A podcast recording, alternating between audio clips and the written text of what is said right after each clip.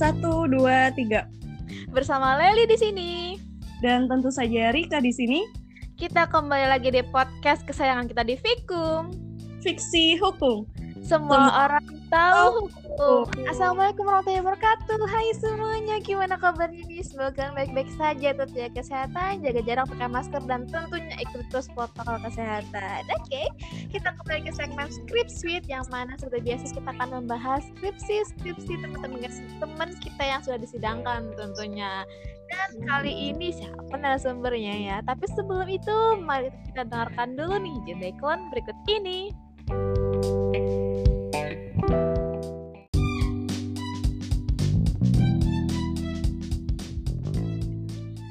Terima kasih kawan-kawan yang sudah sabar menunggu. Jadi langsung aja kita akan mengenalkan siapa sih narasumber yang akan hadir pada yang akan kita korek-korek pada hari ini yang akan dikenal Rika. Silahkan Rika. Oke Laili, sebelum aku memperkenalkan narasumber kita pada kali ini, aku mau mengucapkan selamat dulu nih kepada Laili Amalia Putri SH yang kemarin sudah iya. Hmm, Oke. makasih. Iya, kesan dan pesannya dulu dong. Apa dulu? Tiba-tiba nggak ada di ya tentunya senang banget ya kan terima kasih tentunya doa keluarga teman-teman sahabat ya itu aja deh Udah. Iya. Akhirnya ya sudah Yes. diwisuda. Semoga ilmunya berkah dan bermanfaat. Amin. amin Oke, kita tinggalkan Laili, kita lanjut ke perkenalan tinggal ya. kedatangan narasumber yaitu anak PKHTN. Siapakah dia? Langsung saja ya. Kita telah hadir bersama kita kali ini yaitu Oktarina Sarare. Halo Okta. Halo Rika Laili halo gimana kabarnya Oh. nih Alhamdulillah. ya, baik ya apa nih kesibukan sekarang nih Kesibukan sekarang menikmati jadi ibu rumah tangga mungkin. Hmm. pengen tuh pengen suara-suara pengen Oke, kalau boleh tahu ini eh, kemarin sidangnya tanggal berapa ya? Kemarin sidang tanggal berapa ya? ini na- nanya nih. Tanggal 23 atau tanggal ya tanggal 23 kalau nggak salah. 23 Oktober. Hmm, oke, selamat tentunya sudah sidang kan. Iya. Mungkin tinggal eh, revisi ya. Iya. Oke, kita eh, langsung aja nih ke pembahasan dan kita membahas skripsi dari Okta. Boleh tahu nggak di sini judulnya apa? Oke, kalau untuk judulnya ini cuti kampanye sebagai hak presiden dalam sistem pemerintahan presidensial di Indonesia. Oke, itu judulnya ya. Lalu untuk latar belakang sendiri nih gimana nih Ok? Secara singkatnya. Oke, jadi sebenarnya ya yang melatar belakangnya ini judul ini sudah muncul di otak aku itu sejak tahun 2019. Sejak itu kan pemilu presiden dan wakil presiden ya. Mm-mm. Di Iya. situ aku mikir tuh presiden ini kan incumbent. Waktu itu kan Joko Widodo kan. Nah, Mm-mm. beliau ini sebagai presiden yang menjabat tapi juga sebagai calon presiden kan. Lalu bagaimana Iya. Tanya apakah beliau mengambil masa cuti atau tidak. Kalau mengambil masa cuti, lalu bagaimana dalam negara sistem presidensial, apakah bisa? Gitu. Nah, dari situ aku cari-cari lagi, ternyata banyak sekali pembahasannya ternyata ya. Jadi ada dua yang Mm. mendasarinya. Pertama itu secara teori dan yang keduanya itu secara sosiologis di masyarakat kita seperti apa keadaan masyarakat. Nah, yang secara Iya. teori itu Indonesia ini kan sistem pemerintahan presidensial itu sejak tahun 2002 selesai amandemen konstitusi kita. Nah, sistem pemerintahan presidensial ini kan menempatkan presiden itu dalam jabatan yang penting ya sebagai kepala negara Iya. sekaligus sebagai kepala pemerintahan. Berbeda kan dengan parlementer. Ini mungkin kawan-kawan yang semester 1 atau semester 2 Fakultas Hukum sudah tahu ya.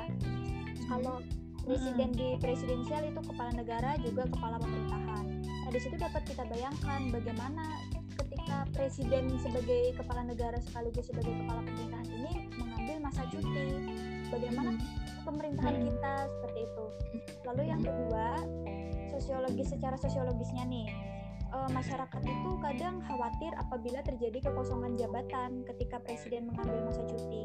Kalau kita lihat di konstitusi kita, ketika terjadi kekosongan jabatan itu pada pasal 8 ya, yang menggantikan adalah wakil presiden. Tapi ketika wakil presiden juga tidak bisa yang menggantikan tiga menteri secara bersamaan, menteri luar negeri, menteri dalam negeri, dan menteri pertahanan. Selanjutnya juga masyarakat ini kadang bingung. Ini presiden datang ke wilayah aku, apakah sebagai menjalankan tugasnya sebagai presiden atau Mhm, mhm. hanya sebagai calon presiden? Iya. yang melatar belakanginya Mhm. Itu yang terbelakanginya. Oke, selanjutnya itu rumusan masalahnya apa nih? Oke, kalau rumusan masalah sendiri, yang pertama itu bagaimana penerapan cuti kampanye untuk presiden di Indonesia selama ini saat Indonesia Hmm. Kali kan Indonesia uh, pemilu sejak Indonesia uh, terakhir amandemen konstitusi tahun 2004, 2009, 2014 dan 2019. Lalu rumusan masalah yang kedua Idealkah dalam negara yang menganut sistem pemerintahan presidensial ini memberikan hak untuk kampanye kepada presiden? Mhm. Oke, itu rumusan masalahnya ya. Jadi untuk pembahasannya gimana nih, Kalau untuk pembahasan sendiri ya, eh, di sini mulai dari mana ya? Mulai yang rumusan masalah pertama. Jadi yang sistem pemerintahan presidensial nih ya, sistem pemerintahan presidensial atau sistem pemisahan kekuasaan atau separated power system itu kan memisahkan kekuasaan antara eksekutif dengan legislatif. Tidak bisa saling mencampuri kan eksekutif dengan legislatif berbeda dengan di parlementer. Dan sekali eh, selain itu juga di presidensial ini presidennya itu menjabat sebagai kepala negara sekaligus sebagai kepala pemerintahan di Indonesia. Dibuktikan dari konstitusi kita pada pasal 12 yang pertama pada pasal 12 nih presiden Hmm. dapat menyatakan negara dalam keadaan yang berbahaya. Nah, kewenangan ini ini suatu, suatu bukti bahwa presiden kita merupakan kepala negara. Lalu pada pasal 22 konstitusi kita, presiden dapat mengeluarkan perpu atau peraturan pemerintah pengganti undang-undang yang dikeluarkan pada saat keadaan kegentingan yang memaksa. Nah, ini merupakan salah satu bukti bahwa presiden ini suatu, eh, seorang kepala pemerintahan gitu. Nah, selanjutnya nih ya kita juga harus tahu nih eh, ciri-ciri sistem presidensial itu apa dan juga Mhm. fitur utamanya apa kalau cirinya itu ketika kita lihat dalam buku ini referensi asing sih aku ambilnya Iya. judulnya itu Comparative Government Visualized tulisan dari Stephen L. Whitman dan John. Woos itu ada empat cirinya untuk yang pertama it is based upon the separation of power principle yang artinya itu didasarkan pada prinsip pemisahan kekuasaan sebagaimana yang sudah aku sampaikan tadi di awal lalu yang kedua the executive has no power to dissolve the legislature nor must he resign when he loses the support of the majority of its membership yang artinya eksekutif itu tidak memiliki kekuatan untuk membubarkan badan legislatif dan juga mengundurkan diri ketika kehilangan dukungan dari mayoritas anggota. Jadi tidak bisa saling membubarkan ini ya. Lalu yang ketiga. Iya. there is no mutual responsibility between the president and his cabinet. The leader is fully responsible to the chief executive. Yang artinya tidak ada tanggung jawab bersama antara presiden dan kabinetnya, di mana kabinet ini sepenuhnya bertanggung jawab kepada kepala pemerintahan. Beda kan dengan di parlementer yang bertanggung jawab kepada eh, parlemennya. Lalu yang keempat, the executive is Mhm. chosen by the electorate. Jadi eksekutif itu atau presidennya ini dipilih oleh masyarakat. Nah, fitur-fitur utamanya ini ada tiga: pemilihan presiden secara langsung, masa jabatan tetap. Jadi presiden itu bisa menjabat itu selama berapa tahun dan selama berapa periode. Lalu presiden sebagai pembentuk kabinet. Kalau dilihat di Indonesia, empat dan tiga fitur utama ini kan telah diterapkan di Indonesia. Jadi tidak ada lagi perdebatan bahwa Indonesia ini apakah sistem presidensil atau semi presidensil. Karena kan ada kan pendapat bahwa oh. Indonesia ini bukan presidensil tapi semi presidensil atau campur. Iya. Nah itu jadi pendapat itu salah karena yang campuran atau yang semi itu punya ciri dan karakteristiknya berbeda dari Indonesia. Nah dari situ Mm-mm. kita pahami terlebih dahulu ya hal itu. Terus untuk penerapan cuti presiden pada tahun 2009 itu seperti apa? pada tahun 2009 ini presiden incumbent itu adalah Susilo Bambang Yudhoyono. Akhirnya adalah Yusuf Kala. Dan Mhm. mereka berdua sama-sama akan mencalon diri pada saat itu. Nah pada saat itu mereka mengambil masa cuti secara bersamaan. Pula, tapi tidak ada sih perdebatan masalah cuti ini pada saat itu. Karena mungkin Mhm. belum semarak sekarang, internet belum seperti sekarang. Lalu pada tahun 2019 itu Joko Widodo mengambil masa cutinya karena pada saat itu keluar putusan MK ternyata putusan MK-nya nomor 10 garing PUU strip 17 Romawi 19 yang menegaskan bahwa cuti berkampanye cuti kampanye untuk presiden ini merupakan suatu hak untuk presiden dan atau presiden dan atau wakil presiden incumbent. Kalau sebelum-sebelumnya cuti kampanye ini sebagai kewajiban yang harus diambil. oleh calon incumbent tapi pada tahun 2019 ini hanya sebagai hak seperti itu. Nah, untuk pembahasan keduanya, bagaimana sih yang idealnya cuti kampanye ini dalam negara bersistem presidensial gitu ya? Di sini aku merujuk pada dua hal nih. Yang pertama putusan MK dan yang kedua dalam eh, konsepsi penerapan sistem pemerintahan presidensial pada negara pada masing-masing negara.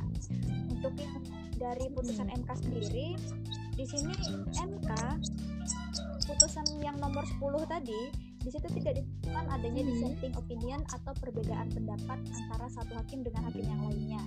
Jadi pertimbangan benar-benar Mm-mm. kuat. Nah, mereka mempertimbangkan setiap warga negara itu kan memiliki kesempatan yang sama untuk mencalonkan diri, untuk dipilih, untuk memilih. Nah, di sini imbasnya adalah ketika setiap warga negara memiliki kesempatan yang sama untuk dipilih, maka ia juga memiliki kesempatan yang sama untuk mengkampanyekan dirinya. Logik itu. Sebelum dipilih kan dia harus berkampanye dulu nih untuk masyarakat memilih dia.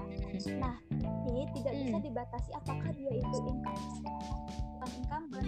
Maka dari itu, ket- ketika eh, suatu ketika men- mencalonkan diri itu suatu hak, lalu kampanye itu Mm-mm. suatu hak, maka kampanye juga merupakan suatu hak. Itu eh, itu sederhananya seperti itu. Ketika Iya, iya. kita merujuk kepada yang eh, konsepsi pemerintahan presidensial tadi, di sini bandingkan Mm-mm. dengan negara lain. Negara mana? Tentu saja Amerika Serikat. Karena Amerika Serikat ini kan negara presidensial tertua di dunia ya, dan juga Mm-mm. Amerika Serikat ini negara dengan ya yang paling ideal lah untuk menjadi kiblatnya presidensial di dunia menurut para ahli. Di Amerika di situ tidak ada dikenal adanya cuti presiden. Kenapa? Ada tiga hal. Untuk yang pertama, sistem pemerintahan, eh, sistem pemilihan umum di Amerika Serikat di Indonesia ini berbeda meskipun sama-sama dipilih secara langsung oleh masyarakat. Kalau masyarakat- kalau di Hmm. Indonesia kan karena kita sistem multi partai ya, jadi presiden yang mencalonkan diri itu diusung oleh eh, koalisi partai partai koalisi lebih dari dua partai. Kalau di Amerika Serikat mereka hanya memiliki dua partai, Republikan dengan Demokrat. Jadi sebelum masyarakat itu sebelum rakyat itu memilih secara langsung pada saat pemilihan umum, jadi masing-masing calon ini dipilih terlebih dahulu oleh Dewan Pemilih namanya. Jadi Dewan Pemilih itu sangat selektif oleh untuk memilih calon incumbent apakah incumbent ini pantas untuk diajukan lagi atau sudah tidak pantas seperti itu. Nah jadi eh, dampaknya adalah calon incumbent di sana harus benar-benar eh, memiliki kinerja yang baik, tidak boleh menggunakan fasilitas publik pada saat dia berkampanye, tidak boleh menggunakan fasilitas eh, presiden pada saat dia melakukan kegiatan pribadi dan lain sebagainya. Dia melakukan kesalahan, dia tidak dia kemungkinan besar tidak akan dicalonkan lagi sebagai presiden untuk periode yang akan datang. Nah, maka dari itu di sana tidak perlu kampanye lagi untuk presidennya. Beda dengan di Indonesia. Lalu selanjutnya di Amerika itu Hmm. kesadaran berpolitiknya warga Amerika Serikat dengan Indonesia ini cenderung ya bukannya bagaimana ya tapi ini kenyataan baik Oke. karena untuk kesadaran berpolitik karena apa di sana eh, kesejahteraan itu relatif sudah merata bukan tidak seperti di Indonesia di sana itu hampir semuanya memiliki televisi, hampir semuanya mengenal internet, media sosial. Nah, Iya. Mhm. sendiri Mhm. ternyata ya mungkin kita kita sudah paham internet paham media sosial dan sebagainya tapi masih ada masyarakat kita yang tinggal di pedalaman pedalaman pelosok yang tidak Hmm. mengenal internet media sosial media cetak bahkan ada yang tidak memiliki televisi nah ini aku Hmm. mendapatkan fakta ini pada saat aku me- melaksanakan kegiatan kerjasama dengan pelaksana pemilu pada tahun 2019 lalu jadi mereka KPU dan Bawaslu ini harus benar-benar terjun ke lapangan untuk memberikan sosialisasi kepada masyarakat yang ada di pedalaman tadi. Kapan pilihan umum, siapa saja calonnya, bagaimana cara memilih, dan sebagainya. Dan hal ini juga otomatis harus dilakukan oleh para calon. Ketika calon incumbent ya misalnya, misalnya Jokowi kemarin dia tidak memiliki hak untuk untuk eh, menjalankan kampanye, maka otomatis dia tidak bisa ter- terjun ke lapangan secara langsung otomatis hak untuk berkampanyenya di situ tercederai. Nah, kalau di Amerika mereka pakai TV saja sudah tahu, oh ini calonnya, ini visi misi tujuan dan kelebihannya. Tapi kalau di Indonesia itu Hmm. ada beberapa wilayah yang harus didatangi secara langsung calon. Mhm. Itu ada makanya ada cuti kampanye di Indonesia ini dan karena keadaan sosiologis di Indonesia inilah maka menurut aku pribadi ya bisa Indonesia ini menghapuskan cuti untuk kampanye gitu untuk pembahasan Rika sama Laili Oke, siap. Terima kasih atas pembahasan yang telah Okta eh, paparkan. Mungkin kita langsung ke sesi selanjutnya yaitu sesi tanya jawab. Mungkin sebelumnya aku mau nanya nih kan kemarin kita pemilu tahun 2019 itu eh, menjadi hak kan yang awalnya kewajiban menjadi hak yang namanya hak ini terserah mau diambil silakan nggak diambil juga nggak masalah. Kalau boleh tahu kemarin Bapak eh, Presiden kita Bapak Joko Widodo apakah mengambil iya haknya? Bapak Jokowi kemarin ngambil ya karena Oh, ada mengambil. putusan itu jadi beliau ngambil beliau mengambil. Cuman aku mau nanya juga nih sebenarnya eh, ketika bapak bapak eh, SBY kemarin atau bapak Jokowi ini mengambil cutinya, eh, bagaimana dengan eh, negara ini? Apakah baik-baik saja ditinggalkan oleh presidennya meskipun ada pengganti nih kan wakil presiden atau tiga menteri yang terpilih? Nah,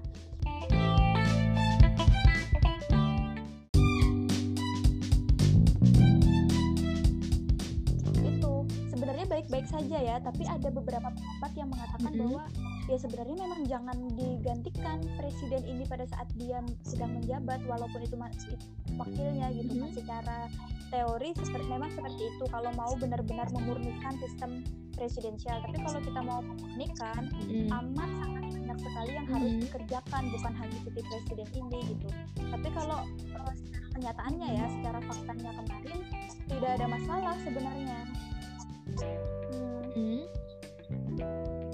Oke.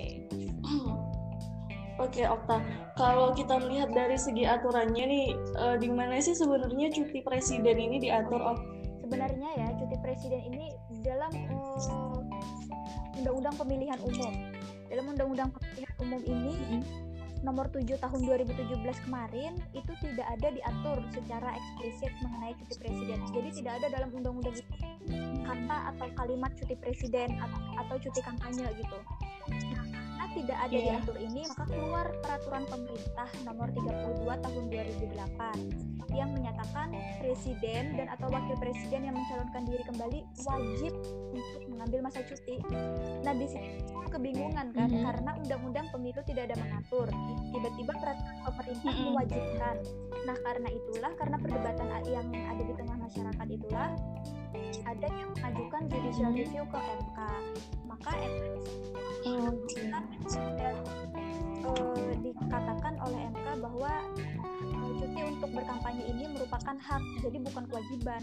Maka dari itu pemerintah yang menyatakan wajib tadi otomatis kalah kan dengan putusan MK yang mengatakan hak. Jadi ada di putusan MK Mm-mm, ada di putusan MK. Pertanyaan selanjutnya, ini kan kita masalah presiden. Mungkin aku mau eh, menanya untuk untuk kepala kepala daerah sendiri, apakah aturannya sama seperti presiden untuk cuti kampanyenya? ini yang yang ramenya ya kemarin juga ditanyakan nih sama dosen. Kalau di kepala daerah bagaimana kata dosen kan. Kalau di kepala daerah itu sebenarnya beda sih kalau di kalau dengan presiden kita sendiri. Karena kan pertama kedudukannya beda ya meskipun sama-sama sebagai pemimpin dalam suatu wilayah. Di kepala daerah itu eh, berapa hari ya cutinya itu.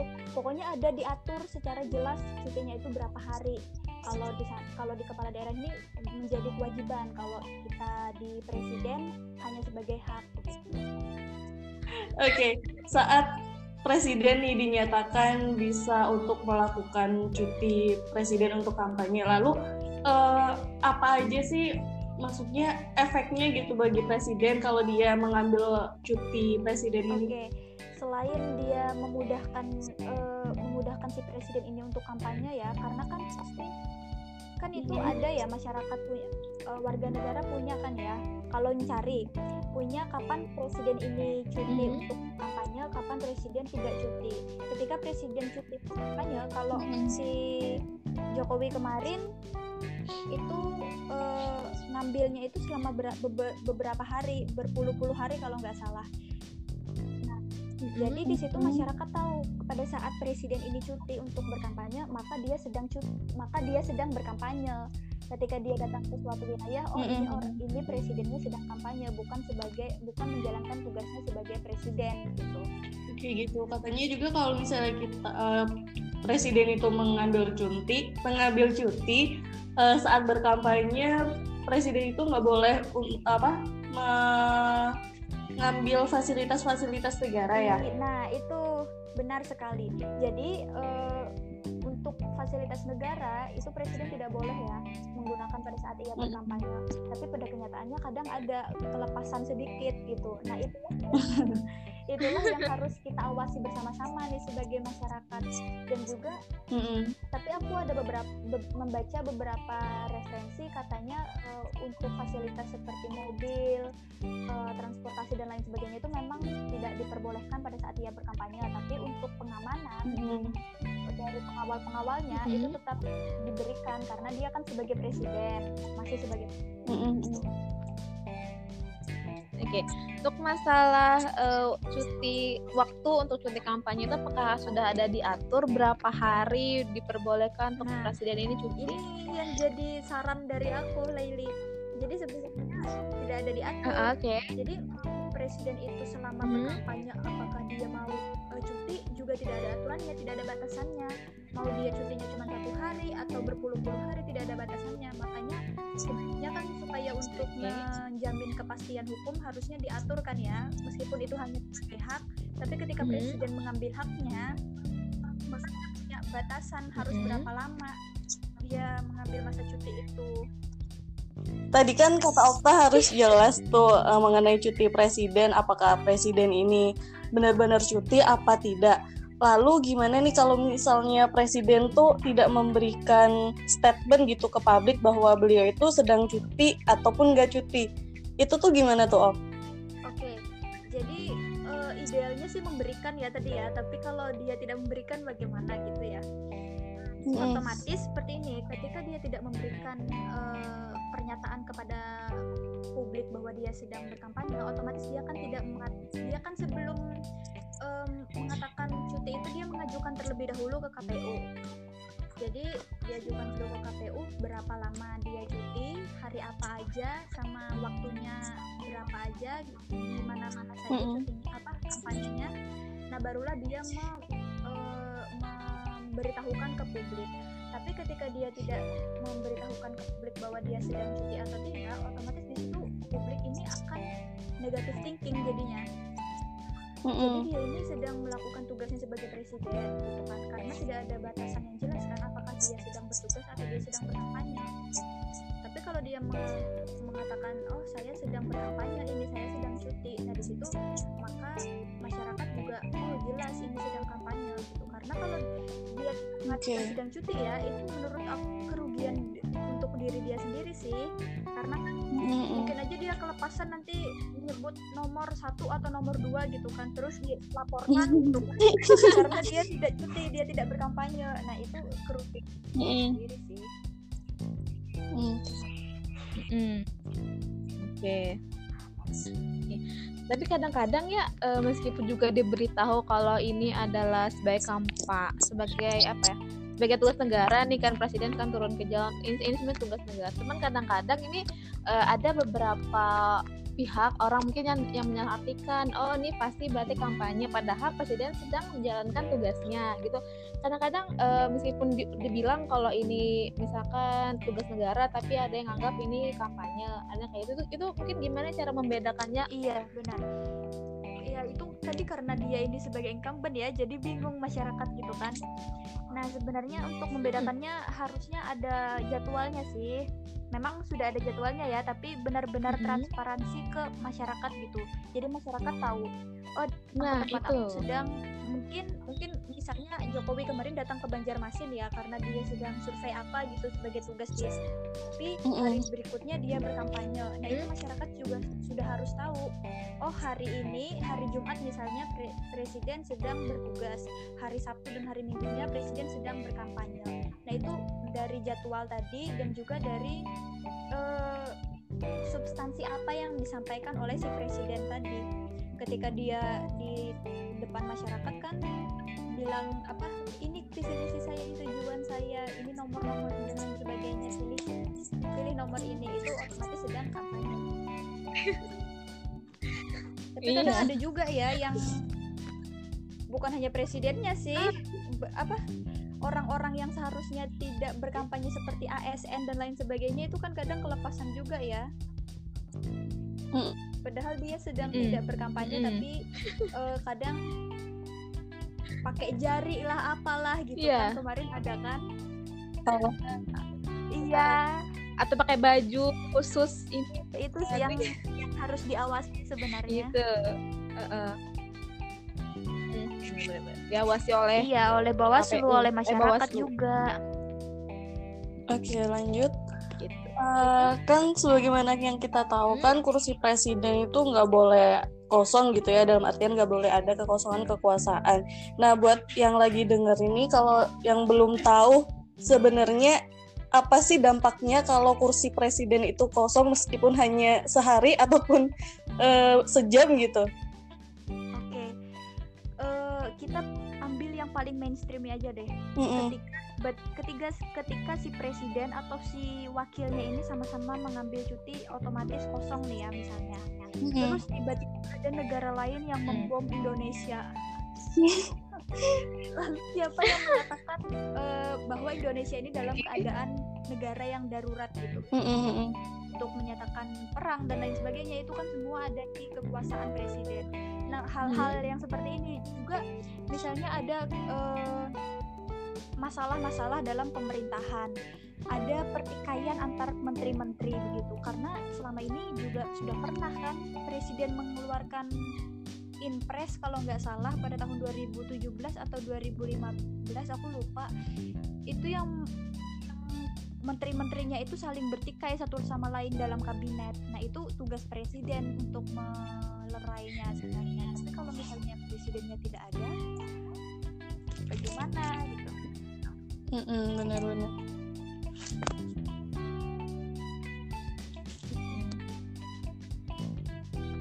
Oke, kalau Okta sendiri sebenarnya kan eh, ini menjadi hak presiden untuk ambil cuti kampanye atau enggak.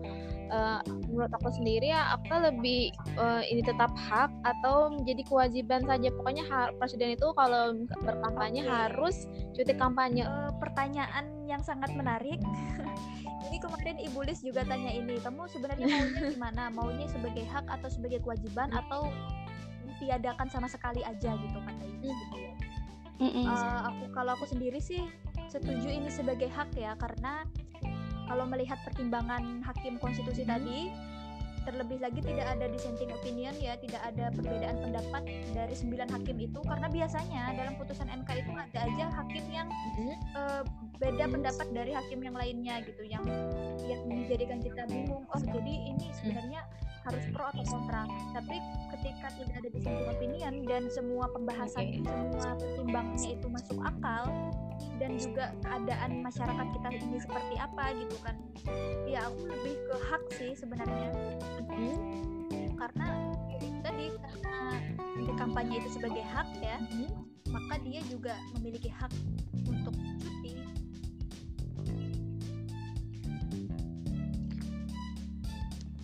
gitu Oke, Lili. Apakah ada lagi, Lili? Mm-mm.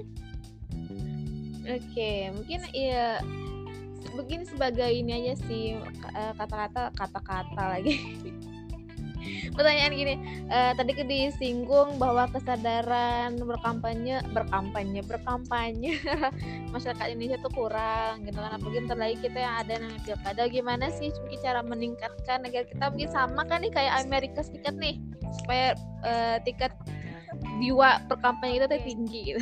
Menurut gimana? eh, gimana ya kalau membahas Hmm. masalah bagaimana kita bisa sa- eh, mencontoh Amerika itu yang pertama usia us- usia Indonesia dengan Amerika kan berbeda jauh mereka kan sudah beratus-ratus tahun merdeka gitu Iya. dan juga faktor pendidikan juga itu sangat penting sebenarnya Eh, ini kita aja ya Oke. kita yang sekolah sampai SMA aja kadang kalau misalnya kita masih dikasih uang sama si calon masih bisa nerima. Gitu apalagi orang-orang yang, Mm-mm. yang mohon maaf yang tidak memiliki pendidikan atau berhenti di tengah jalan pada saat sekolah. Nah itu faktor utama juga. Terus selain itu juga fasilitas yang dimiliki oleh masyarakat ini seperti televisi terus eh, smartphone tempat untuk bisa mengakses informasi-informasi melalui internet itu juga harus dimiliki oleh semua semua masyarakat jadi mereka mengetahui informasi-informasi tapi ya itu tadi kembali lagi sih kalau mereka pun memiliki memiliki informasi memiliki media untuk memberikan informasi kepada mereka tapi mereka tidak memiliki keinginan untuk tahu kan susah Mhm. juga apalagi Mm-mm. banyak kan yang Iya, Iya. eh, maunya golput golput aja gitu kadang Iya. jangankan yang tidak sekolah ya Bener, yang, yang kita anak kuliahan aja masih ada berpikir "Hmm, baik. Ada, iya. Ada. Oke, udah cukup ya untuk eh, kita bahas bahasan skripsi. Kita langsung ke sesi saran, ke sesi lagi ke saran nih. oke jadi Saran karena dari kan skripsi ada dokter dua kan ya masalahnya jadi masalah yang pertama tadi eh, Mhm. takut ada kekosongan jabatan tadi atau kekosongan kekuasaan yang kedua karena takut penyalahgunaan tadi penyalahgunaan kewenangan yang dilakukan oleh incumbent nah karena ada dua permasalahan ini maka saran dari aku juga ada dua yang pertama undang-undang pemilihan umum itu Mhm. selalu berubah dari periode ke periode sebenarnya sejak tahun 2004, 2009, 2014, 2019 Oke. itu sudah berkali-kali berubah undang-undang dan seka- bahkan sekarang pun tahun 2020 ini sudah ada RUU pemilihan umum rancangan undang-undang pemilu tahun 2024 nanti. Gitu. jadi sarannya di sini adalah uh, untuk uh, yang membahas undang-undang ini diatur secara jelas tenggat waktu dalam masa dalam mengambil masa cuti itu tadi. Jadi berapa lama boleh si incumbent ini mengambil masa cuti? Harus dibatasi dong nggak boleh dong selama berkampanye misalnya kita kampanye berapa bulan gitu. Selama berapa bulan juga dia cuti karena tidak. Nah ini pentingnya untuk menjamin kepastian hidup Mm-mm. tadi. Dan juga ketika si wakilnya ini juga mencalonkan diri wakil presiden mencalonkan diri seperti tahun 2009 lalu SBY dan Yusuf Kala kan sama-sama mencalonkan diri tuh. Nah ini wajib dibedakan harinya waktunya wajib beda gitu supaya ada yang menggantikan posisi jabatan ini pada saat ditinggalkan Ka- karena kalau mereka mengambil masa cuti pada hari yang sama misalnya pada hari Jumat lalu pada hari Jumatnya Mm-mm. siapa yang memimpin negara dan pemerintahan ini Mm-mm. gitu kan saran yang kedua ialah mengurangi kewenangan calon si, si calon incumbent ini untuk memutuskan kebijakan-kebijakan penting yang berkaitan Mm. erat dengan demokrasi selama masa kampanye itu tadi dalam undang-undang pemilihan umum.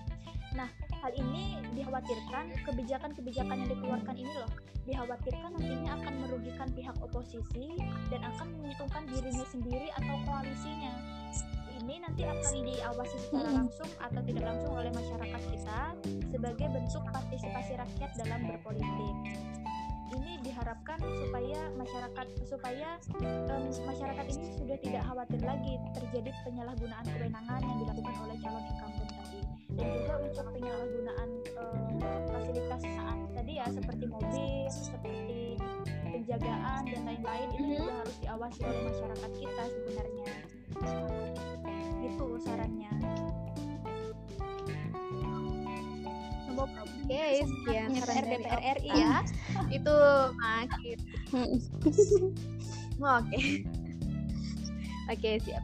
Ya, oke saran tadi dari Okta itu mengakhiri podcast kita pada hari ini. Mungkin eh, kata terakhir kami mohon maaf bertiga kalau ada salah-salah kata selama kami berpodcast. Dan terima kasih tentunya kepada para pendengar yang telah sedi yang telah sedia dan setia mendengarkan podcast hingga saat ini. Dan tentunya eh, selamat juga buat Okta nih yang sedang isi. Dan semoga lancar sampai yang lahiran nanti. sudah sah SH-nya dan juga Riki juga sudah kemarin ya wisuda Lama dia udah tahun kemarin ya. Kak? Pokoknya selamat juga buat Okta tentunya sudah sudah melaksanakan sidang skripsi. Oke buat Kak dan dan dan dan dan dan apa, dan apa lagi? Dan selamat juga atas uh, tersita yang ditekernya undang-undang terbaru undang-undang nomor 11 tahun 2020 tentang cipta lapangan Yeay. kerja. Selamat kita mempunyai materi baru untuk untuk kita pelajari seribu halaman itu ya. Da, ma- isinya tentang beberapa materi beberapa aturan yang jadi Laili siap mempelajari. Ntar deh apakah An- apakah ntar kita akan membahas di hotpot atau tidak Iya. nantikan aja ya oke kalian yang agak pengen gabung di hotpot curhat ataupun skripsi silakan aja hubungi lagi nanti ingat skripsi jangan hanya disimpan dan dibukukan Tetapi sebarkan agar bermanfaat. Jangan lupa juga nih sampaikan kritik dan saran kalian. Sampai jumpa di episode-episode lainnya. Tetap di Fikum. Fiksi hukum Semua orang, Orang tahu tahu. hukum. Bye-bye.